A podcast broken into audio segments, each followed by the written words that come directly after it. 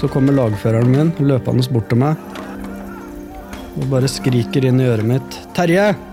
Jeg har skutt og drept to personer. Ja, det er mottatt, sier jeg. Våre historier, en podkastserie fra Forsvaret.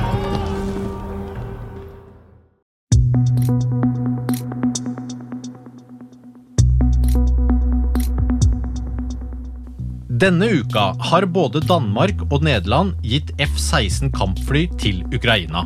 That is why today we announced that we will donate 19 F-16 fighter jets to Ukraine. Samtidig bygger Russland opp nye private styrker etter at Wagner-gruppen forsvant.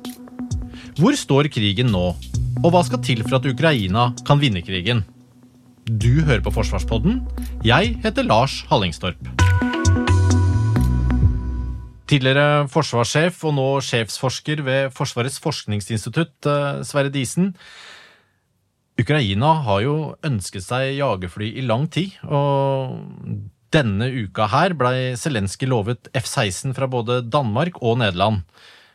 Hva tror du det har å si for utviklingen av krigen?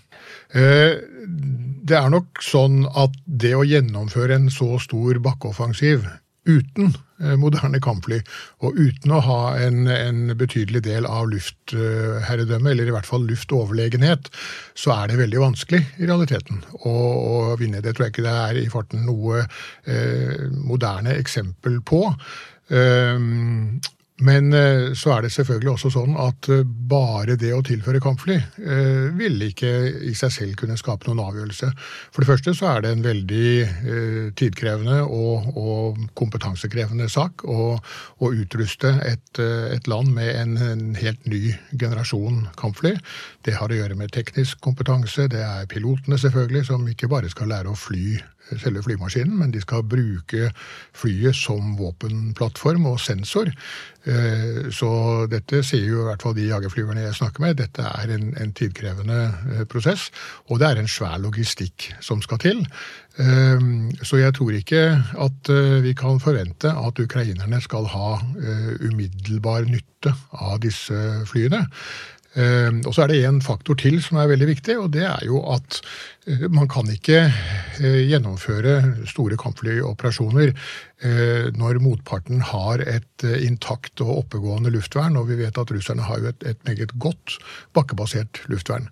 Og Det betyr at til støtte støtte for kampflyene, så må det også være eh, andre typer fly, eller i hvert fall plattformer, med elektronisk utrustning som kan eh, blinde radarer og på annen måte holde det russiske luftvernet nede.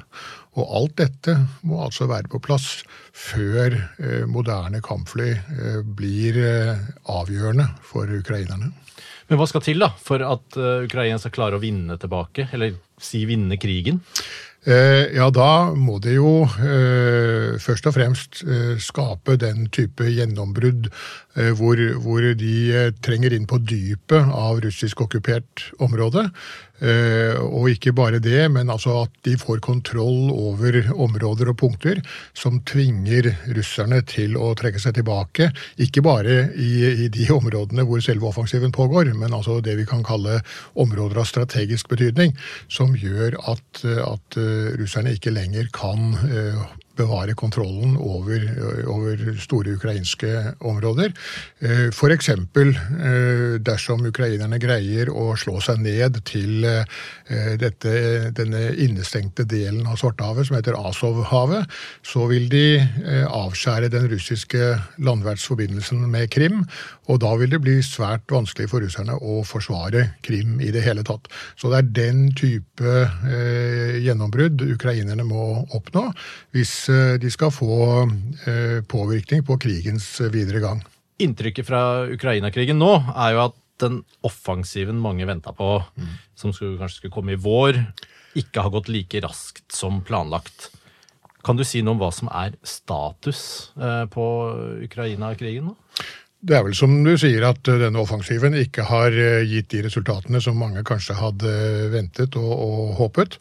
Uh, ukrainerne har jo en viss fremgang uh, og har tatt tilbake en del landområder, men de er uh, veldig små, og det er ikke noe av det som har noen avgjørende strategisk betydning. Og fremfor alt så har de jo, for å oppnå selv det, så har de hatt såpass store tap at uh, de kan ikke håpe å frigjøre hele Ukraina på, på, denne måten. Det vil ikke være mulig. Så på et eller annet tidspunkt så vil de måtte oppnå en form for gjennombrudd som gjør at uh, russerne må altså trekke seg tilbake fra større områder. Og vi ser jo nå også at uh, der hvor de trekker seg tilbake, så trekker russerne seg tilbake tross alt eh, i relativt god orden. De, de flykter ikke hals over hode, sånn som de gjorde under eh, den ukrainske offensiven i Kharkiv-regionen i fjor eh, høst. Og det forteller ganske mye om hvor begrenset fremgangen i denne offensiven er. Har denne offensiven som har pågått nå, har den vært slik Ukraina og for så vidt Vesten har håpa på? Eh, nei, det tror jeg vel eh, ikke. Altså, vi har kanskje hatt litt overdrevne forestillinger i Vesten, og, og for alt vi vet, så, så, har jo ukrainerne selv kanskje vært mer nøkterne enn vi har vært. Og ukrainerne har jo på mange måter vært i en skvis derved at det var en forventning, både i Ukraina selv selvfølgelig, og også i Vesten, om at det skulle komme en offensiv, og at nå skulle russerne liksom drives tilbake. Ukrainerne skulle vise at de kunne nyttiggjøre seg dette vestlige materiellet. Eh, på den annen side så har nok ukrainerne selv også vært klar over at eh, helst skulle de hatt både mer vestlig materiell, og de skulle ha hatt mer tid til å trene med det før de egentlig var klare til å sette i gang en stor offensiv. Men her var de altså i et slags press da, mellom en, en forventning om at det skulle skje noe, og en nøktern erkjennelse av at de helst skulle hatt både mer utstyr og mer tid. Eh, og så har de altså eh, satset på å gjennomføre en offensiv med, med det de hadde. Eh, og så har de eh, ikke hatt eh, større fremgang enn de har. Og så har selvfølgelig selvfølgelig også det faktum at russerne nå har gått på defensiven eh, og har hatt god tid til å forberede et dybdeforsvar med, med stillinger, sperringer, minefelter osv. Har selvfølgelig også hatt eh, sitt å si. Eh, hva, hva, vet vi om russisk strategi? Er det bare å ligge og vente? ja, altså det, er, det er jo det beklagelige at for russerne så så hadde det selvfølgelig vært ønskelig eh, å få til det de prøvde i utgangspunktet, som var rett og slett å erobre eh, Ukraina i et kuppartet angrep. Besette Kiev, fjerne Zelenskyj og regjeringen og sette inn et russiskvennlig regime. Det greide de ikke. Men for russerne så er det jo langt på vei tilstrekkelig hvis de nå får en frosset konflikt langs en mer enn 1000 km lang frontlinje i Øst- og Syd-Ukraina. Fordi, eh, altså slik vi hadde i Donbass eh, fra 2014, eh, fordi det er tilstrekkelig for å realisere det som er Putins primære mål. Det er jo å hindre at Ukraina blir en vestvendt politisk og økonomisk vellykket nasjon. Nettopp fordi det vil være en helt uh, uakseptabel demonstrasjon av hvor utilstrekkelig den russiske samfunnsmodellen er. Der, der, Ukraina ligger, og med den kontakten det er mellom Russland og Ukraina. Uh, og det kan Putin få til, hvis han greier rett og slett bare å skape en permanent krigstilstand. Det vil gjøre det fryktelig vanskelig å både ta Ukraina inn i EU, inn i Nato, Eh, og det vil eh, skape veldig store problemer for Vesten, som da vil måtte si, bygge opp igjen Ukraina. Og, og uten eh, at landet blir medlem av Nato, så må vi altså kunne gi dem en eller annen form for sikkerhetsgaranti som gjør at russerne ikke bare kan prøve på nytt om noen år, når de har bygget seg opp igjen. Og Det er derfor det er så om å gjøre, også for Vesten, at, at ukrainerne lykkes militært. Det er altså at det er russerne som strategisk sett vil eh, tjene på en, en, konflikt som ikke får en avgjørelse. Kan det bli som Uh, en som kom fra Nato i forrige uke, og snakka seg og sa at uh, vi må avstå at Ukraina må avstå landareal? Tror du det? Eh, altså det, er jo, det, er jo, slik at, at uh, på et eller annet tidspunkt, uh, hvis det ikke skapes en militær avgjørelse, vel, så må det skapes en annen form for avgjørelse. Uh, og de som sitter på innsiden i disse prosessene, de berørte regjeringer og, og den militære ledelsen, både i Nato og, og i, i, Ukraina for så vidt, de vil jo måtte tenke gjennom eh, strategien på lang sikt og vurdere alle opsjoner, og vurdere hva, hva er i det hele tatt mulig. Så er det ikke sikkert at de bør snakke høyt om det i alle sammenhenger, men, men hva som vil skje dersom det ikke lar seg skape en militær avgjørelse, det er jo da en, som jeg sier, en, en frosset konflikt som er en tre fjerdedels russisk seier. Eller så er det selvfølgelig en frosset konflikt som da går over i en eller annen form for våpenhvile, eh, og som igjen kan føre frem til en eller annen forhandlet løsning. Men da vil det jo være veldig mange andre spørsmål som må inn i det bildet. Det vil være politiske, økonomiske og andre forhold som da må komme inn. Og som gjør at dette blir som, som strategisk problem, ikke bare et, et militærstrategisk spørsmål, men det blir altså et spørsmål om en, en bredere strategi som, som, omfatter både politiske, økonomiske, militære og andre, andre, elementer. Nå ser vi også på nyhetene at det, at det kommer eh, videoer av angivelige droneangrep i Moskva. Eh, og foreløpig eh, har vel ikke ukrainerne villet si no, noen ting om disse. Men hvis nå det er de som står bak, hvordan tror du det vil påvirke krigen?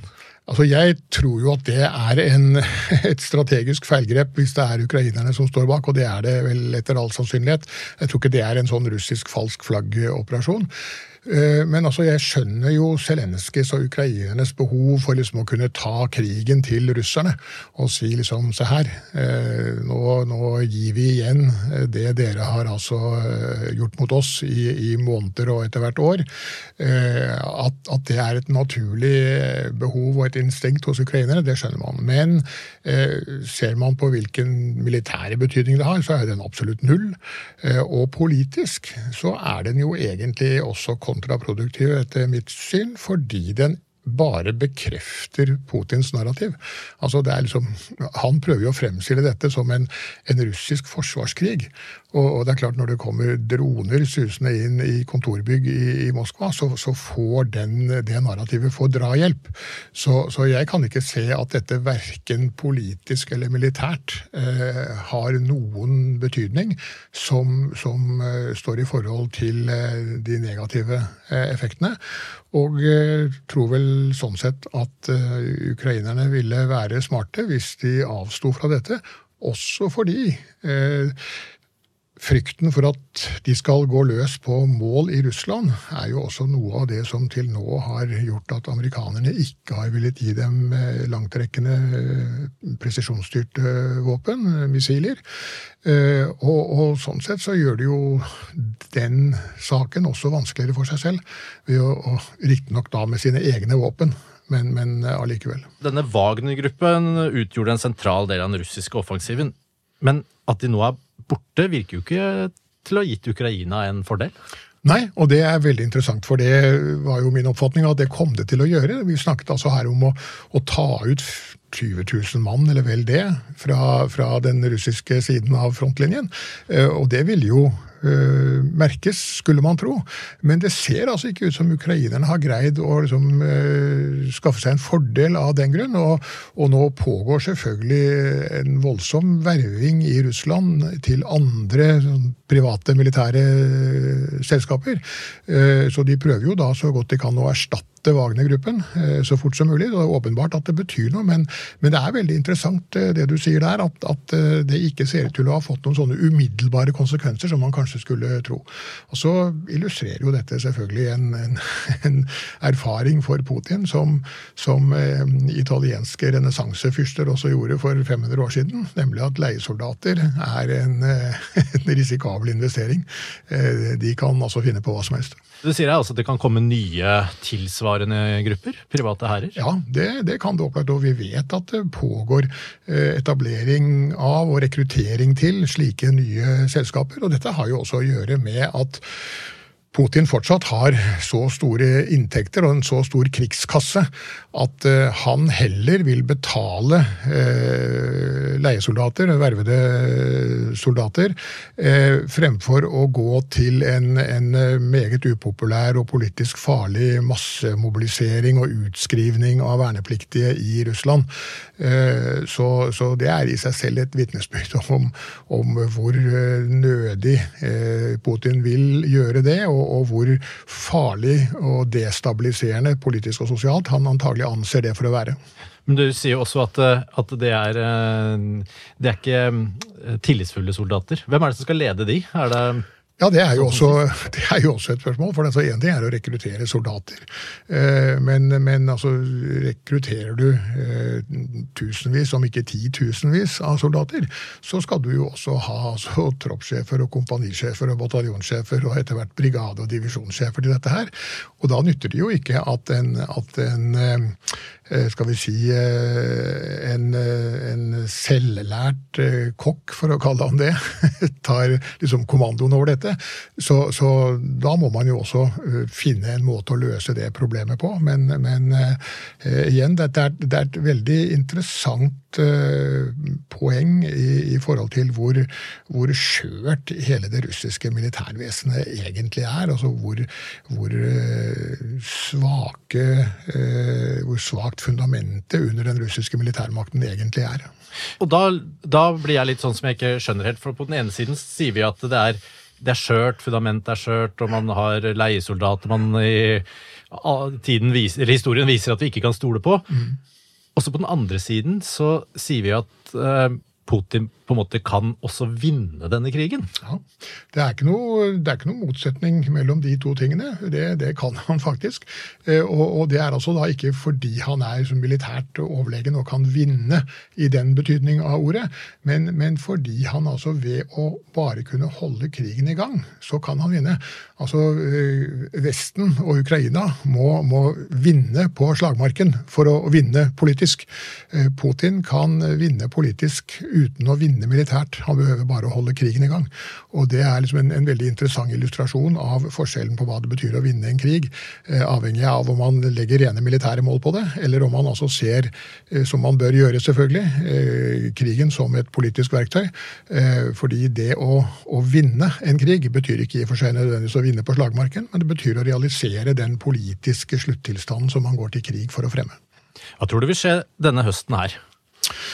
Jeg tror vel at ukrainerne nå, eh, nettopp fordi de har større tap enn det som er bærekraftig i lengden i forhold til den begrensede fremgangen de har, så vil de måtte stoppe opp og ta stilling til om de skal eh, fortsette eh, offensiven eller stanse opp og revurdere strategien. Og i så fall så i det siste tilfellet så betyr det at de vil måtte gå over i en, i en periode med fornyet styrkeoppbygging, eh, hvor frontene stivner litt til, og at ukrainerne fortsetter å bygge opp eh, nye avdelinger eh, med vestlig materiell, trene disse avdelingene, ikke minst. Og da snakker jeg ikke bare om å trene som soldatene i å betjene utstyret, men vi snakker jo om å trene hele organisasjonen i realiteten.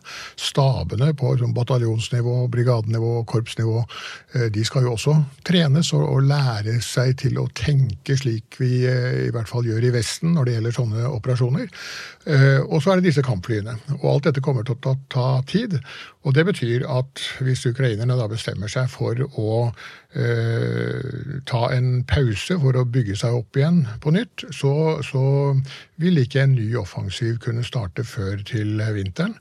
Eh, og så skal vi også ha en periode i mellomtiden med høstvær, hvor bakken blir våt og det blir vanskelig å manøvrere, med stridskjøretøyer i hvert fall. Så, så jeg tror nok at den offensiven vi ser nå, den vil måtte kulminere, eh, om ikke altfor lenge. Og så er jo spørsmålet hva ukrainerne da velger å gjøre. Forsvarssjefen sa i forrige uh, uke, var det vel, at uh, at vi, altså Forsvaret, da, er beredt på å støtte Ukraina de neste fem åra. Mm. Uh, tror du den norske befolkningen er uh, klar til å støtte krigen i fem, fem nye år? Ja, Det kommer først og fremst eh, an på uh, hva det vil innebære for folk i Norge. Og det er klart Til nå så har vi kunnet gjøre dette uten at, uten at det har uh, hatt noen konsekvens for andre ting. Altså da, Krigen har selvfølgelig hatt sin konsekvens både for prisnivå, for energipriser ikke minst, og for en, for en, en del andre ting. Men, men altså det, hadde, det hadde det gjort, selv om Norge ikke hadde gitt ukrainerne noe som helst. Så så det kommer altså an på eh, i hvor stor grad det at vi støtter Ukraina, får liksom en, en, direkte og følbar konsekvens for oss selv. Eh, så håper jo jeg at det er såpass tak i oss at det ikke blir avgjørende. Men det som er viktig, er at altså, politikerne da forklarer hvor viktig dette er. Ikke bare, ikke bare prinsipielt for Ukraina, og dette med at vi skal ikke leve i en verden hvor, hvor russerne kan ta seg til rette med militærmakt, og hvor russerne har krav på å definere en, en interessesfære hvor andre land skal holde seg unna. Eh, det er viktig nok, men, men, det vi skal huske, er at dette til syvende og sist, som jeg sa, dette dreier seg om hvorvidt eh, Putin og den russiske herskereliten skal, skal tro på, på Natos artikkel 5 eller ei. Vi har gitt bort mye våpen nå. Uh, har vi nok til å gi bort uh, våpen i fem år til, og hvordan vil da beredskapen her hjemme bli seende? Ja, altså Vi kan ikke fortsette å gi bort uh, ting i, i, samme tempo og omfang som vi har gjort til nå. Da, er det jo, da vil det ikke ta fem år heller før, før vi kommer til å, å, mangle en del ting uh, helt. Uh, på den annen side så skal vi selvfølgelig være klar over at det er, det er, vel få eh, måter å investere i norsk sikkerhet på som, som, er mer effektive enn å la ukrainerne ødelegge russisk utstyr i, Ukraina. For det er klart, F.eks. de russiske avdelingene i Nordvest-Russland, i, i, våre nærområder, de er jo altså svært medtatt, både personell og materiellmessig. De vil ikke være noen trussel på, på mange år. Bare ett siste spørsmål. Hvor tror du krigen er hen eh, i sitt forløp til våren? Hvis jeg skulle eh, sette penger på det spørsmålet, så ville jeg antagelig måtte si at da tror jeg krigen vil være omtrent der den er nå. Du har hørt på Forsvarspodden. Hvis du abonnerer på oss, får du nye episoder rett på telefonen din.